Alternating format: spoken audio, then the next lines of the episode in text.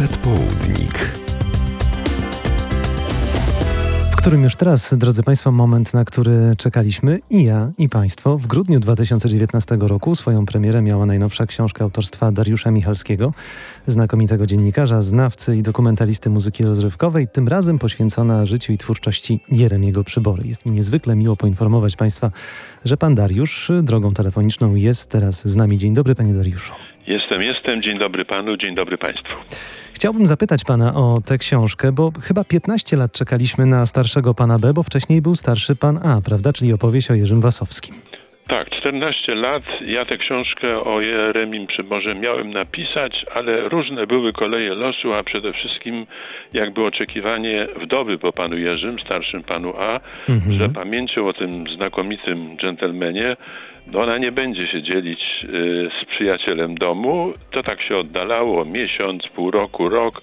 Potem zająłem się innymi książkami, ale ten przybora był w moim życiu, bo on się unosił nade mną swoją osobowością, swoją polszczyzną przede wszystkim, no i tym, co przeżył i postanowiłem, napiszę książkę, napisałem i skryją wydały. Chciałbym pana zapytać, panie redaktorze, o najdłużej trwający romans Jeremiego Przybory, czyli romans z radiem, bo jemu siłą rzeczy poświęcił pan wiele miejsca w książce. To wszystko zaczęło się jeszcze przed wojną, chyba w 1937 roku, prawda, kiedy otrzymał y, propozycję zostania speakerem Polskiego Radia. Bardzo się cieszę, że pamiętamy o radiu, nie tylko dlatego, że jesteśmy w radiu, y, bo radio to jest po prostu teatr wyobraźni i to medium, które wymusza na nas, a jeśli się mu poddamy, to robimy to bardzo chętnie, że poruszamy wszystkie komórki naszego mózgu. U Jeremiego Przybory ta miłość do radia chyba trwała, kiedy, jak pan powiedział, w 1937 na początku ogłoszono konkurs na speakera, on się zgłosił i tu jest taka takie wahanie moje, bo on go wygrał, nie wygrał. To mhm. znaczy przeszedł, ale nikt go na razie nie zatrudnił, ale dobry duch, który zaczął reżyserować życie Jeremiego Przybory sprawił, że za kilka miesięcy zaproszono go, jeszcze raz go przesłuchano, okazało się, że ma głos świetny i został zaangażowany właściwie na dwóch stanowiskach. On to ładnie napisał w książce, że był takim radiowym centaurem. Pół konia, bo był urzędnikiem i pół człowieka, bo był speakerem. No i najważniejsze podał, ale już nie będę zdradzać, odsyłam do książki, otrzymał pensję, która go oszołomiła. Ona naprawdę była wielka. Mógł sobie panić przybora, pozwolić na prawie wszystko, a jednocześnie, jak to ładnie wtedy mówiono, oddać się pracy.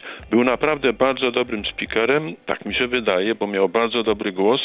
No ale jeśli pamiętamy historię Polskiego Radia właśnie teraz, e, w czasach 95. rocznicy Polskiego Radia i przypomnimy sobie głosy takich postaci jeszcze powojennych, czy już powojennych, jak Tadeusz Bocheński, czy Zbigniew Świętochowski, no i lokował się między nimi ze swoim głosem Jeremi Przybora, to musiało być bardzo dobre radio.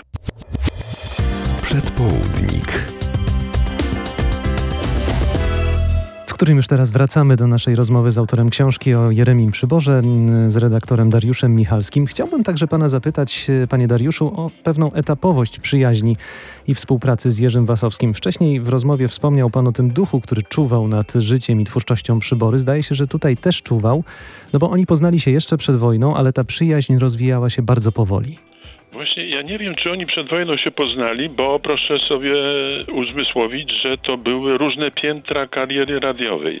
E, człowiek renesansu, czyli Jerzy Wasowski, był wtedy w amplifikatorni, pracował, a to były takie doły hierarchii radiowej, a Jeremi Przybora był już speakerem i to już było piętro radiowe, więc nie wiem, czy przed wojną się mhm. spotkali w tym budynku, który wtedy e, gromadził wszystko, co w radiu było w Warszawie przy Zielnej 25 ale w czasie wojny we wrześniu tak, to mi potwierdziła pani Maria Wasowska, odnalazłem to w dokumentach, y, takie żartobliwe wspomnienie, jak podczas bombardowania Warszawy w pierwszych dniach wojny.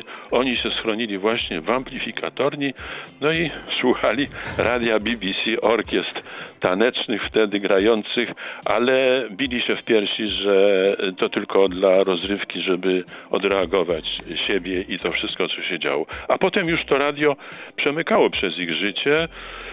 bo Jeremi Przybora mm, w czasie wojny był speakerem y, krótkofalówek i to bardzo ładna karta jego historii, a po wojnie znowu, nie wiedząc o sobie, jeden w radiu pracował w amplifikatorni, a drugi do radia nastał, ale do Warszawy Właściwie jeszcze nie. Spotkał ludzi Bo najpierw radia. Bydgoszcz była, prawda? Przed Warszawą. Tak, to była Bydgoszcz. On y, w Warszawie chciał pracować, ale Warszawa go odpychała. Y, Jeremi Przybora miał w pamięci swojej tę Warszawę piękną, w której żył, rozwijał się, robił karierę.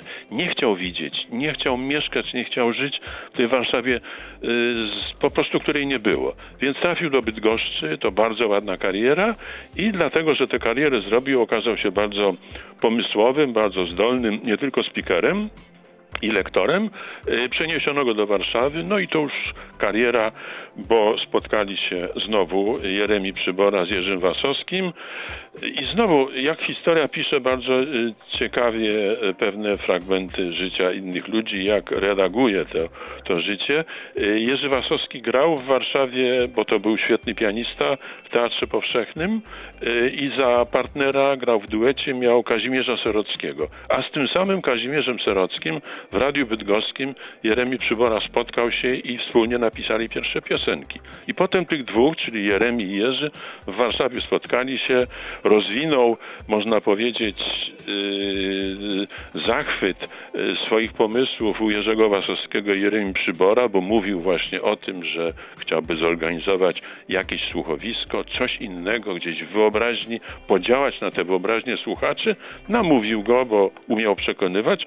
No i w taki sposób powstał Teatr Uniwersalny Eterek, którego obydwaj byli wszystkim. I autorami, kompozytorami, i reżyserami, i wykonawcami. Piękny czas bardzo dobrego polskiego radia. Piękna muzyka i także piękne teksty, ale tak czasami zastanawiamy się nad tym, panie Dariuszu, jakim cudem mm, ten styl tekstów przybory, troszkę jednak nawiązujący do tego, co robił Gałczyński, znalazł tylu odbiorców w tamtych czasach. No bo czasy były po pierwsze nieciekawe, po drugie dość siermiężne, kiedy pomyślimy o tej oficjalnej twórczości wspieranej przez te tak zwane organa państwowe, no to nie było najlepiej, a przybora był kompletnie poza nawiasem tego. Tak, ale ja sądzę, że to, o czym pan mówi, to już dotyczy bardziej telewizji, nowego Mhm. medium, czyli już późne lata 50. niż radia. Do radia słuchacze się przyzwyczaili takich e, fragmentów rozrywki, oni trochę mieli, lepszych, gorszych, e, wesołych prawdziwie, czy udawanych. W 58 roku, kiedy e, dokładnie w czwartek, 16 października tamtego roku jedyna antena telewizji polskiej pokazała kabaret starszych panów, to było takie przedsięwzięcie, a może by coś zrobić. Yy, Za tym kryły się zupełnie przyziemne sprawy. Jeremi Przybora wziął zaliczkę, otrzymał zaliczkę na coś dużego i musiał się z tego zobowiązania yy, jakoś wykaraskać i napisał coś takiego innego. No i znowu yy, Festiwal Szczęść, że Adam Hanuszkiewicz, Jerzy Pański, dowodzący wtedy telewizją. Jeden oglądał, drugiemu się podobało, trzeci huknął e, pięścią w stół, powiedział, że to jest fantastyczne, to musi być i to było. I pan powiedział o tej siermiężności. Tak, to były gomułkowskie czasy. Gomułka nie widział przyszłości w telewizji polskiej, być może dlatego nie oglądał, być może dlatego to go nie interesowało, ale ja dokonałem takiego wyliczenia i gdyby pan Jerzy Wasowski to e, to słyszał, a był świetnym matematykiem, to by się chyba uśmiechnął Mhm. e, z porozumieniem. E, Znalazłem informację, że w tamtym czasie, kiedy kabaret starszych panów startował, było najwyżej 84 tysiące e, tele, teleodbiorników. Rodziny były wtedy 2 plus 2, czyli czteroosobowe, więc cztery osoby już oglądałyby to przestawienie. Ale telewizor na klatce schodowej istniał zazwyczaj jeden, czyli do posiadacza telewizora przychodziła reszta towarzystwa z domu, 10 osób na pewno to oglądało. Proszę to przemnożyć przez 84 tysiące, wyjdzie nam wszystkim około miliona. Więc to nie była taka elitarna rozrywka, tylko egalitarna. I pytanie, w jaki sposób ten kabaret docierał i został w pamięci i w sercach ludzi, mi się wydaje dlatego, że poprzez wyobraźnię, czyli to, o czym powiedzieliśmy pan, a ja dodałem i potwierdziłem kilka minut temu, ta wyobraźnia. Wyobraźnia pracowała, a poza wszystkim to było westchnienie za tym lepszym czyś, czymś. Nie szkodzi, że przedwojennym, czy może dobrze, że przedwojennym. Przecież te postaci kabaretu starszych panów były zupełnie nie, nie tamtejsze, nie PRL-owskie. Hrabina Tułbaczewska, Kto wtedy mógł powiedzieć o hrabinie Tyłbaczewskiej, a kto mógł ją zagrać lepiej niż Irena Kwiatkowska? Więc to była wyobraźnia. Ten pierwszy kabaret się podobał, zaistniał drugi, piosenki, nowe postaci. Trzeba pamiętać również, że wprowadzał tam do kabaretu Jeremi Przybora takie postaci powiedzmy z suburbiów, czyli z okolic dużych miast, tak. takich cwaniaczków, taniedranie, mówiący takim językiem, takim ślusarz, cwaniaczek. To wszystko bardzo pasowało, to się przeplatało z tym teatrem wyobraźni i to się okazało, że jest wspaniałe i ludzie śpiewali piosenki. Powiem jeszcze na ten temat jedno zdanie, bo mm, w swojej książce ja przyjąłem metodę, że jeżeli wiedzą o mnie coś inni ludzie, to ja się posiłkuję ich wypowiedziami, ich wspomnieniami, ich opiniami i znalazłem w tygodniku film opinię Aleksandra Jackiewicza, czyli wielkiego autorytetu. Zdarzyło mu się kiedyś, że ostatni y, program kabaretu starszych panów oglądał w jakimś nadmorskim domu wypoczynkowym i oglądało towarzystwo, które nic nie mówiło.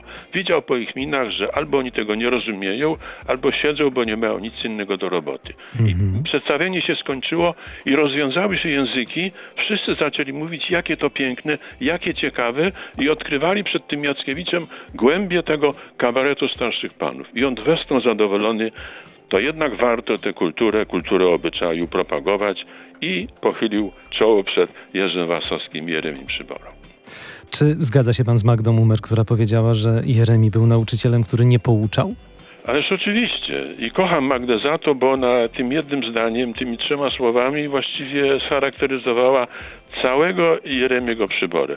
I ja muszę zdradzić, że ja tę książkę już miałem gotową yy, w okresie wakacji, ale jakieś światełko z tyłu głowy, jakieś pukanie odczuwałem, że gdzieś coś przepuściłem, nad czymś się nie zastanowiłem, o czymś może zapomniałem.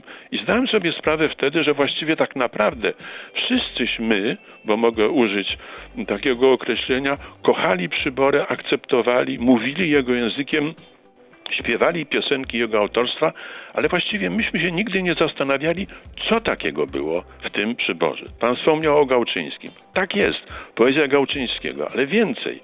Jeremi Przybora wychował się przecież na boju, na słówkach boja i na całej jego literaturze. Kochał Puszkina, kochał Tuwima, uwielbiał Hemara, więc on znał to wszystko i to wszystko w piosenkach rozwijał. Ja... Yy, w rozdziale, z którego jestem dumny, ma on tytuł Warsztat, przeanalizowałem mnóstwo piosenek Jeremiego Przybory i zostały mi trzy takie określenia, a proszę pamiętać, to był rok 1953, czyli bardzo dawno i Jeremi napisał takie trzy piosenki, pieśń o wiośnie, pieśń o lecie, pieśń o jesieni i na przykład wiosnę określa pytaniem, kto tyle uczucia wlał w koty. Jakie to ładne. O lecie do ludu brzmi słońca orędzie a o jesieni znów molą ta jesień odbierze futro.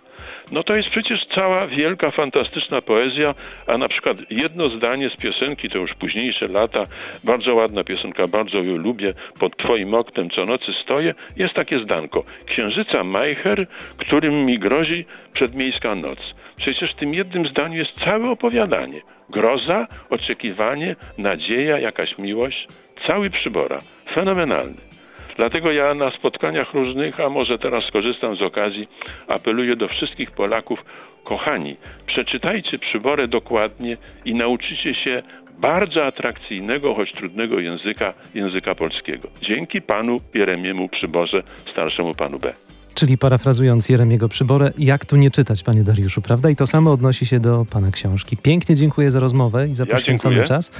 No i oczywiście polecamy państwu bardzo gorąco e, książkę autorstwa Dariusza Michalskiego, Starszy Pan B.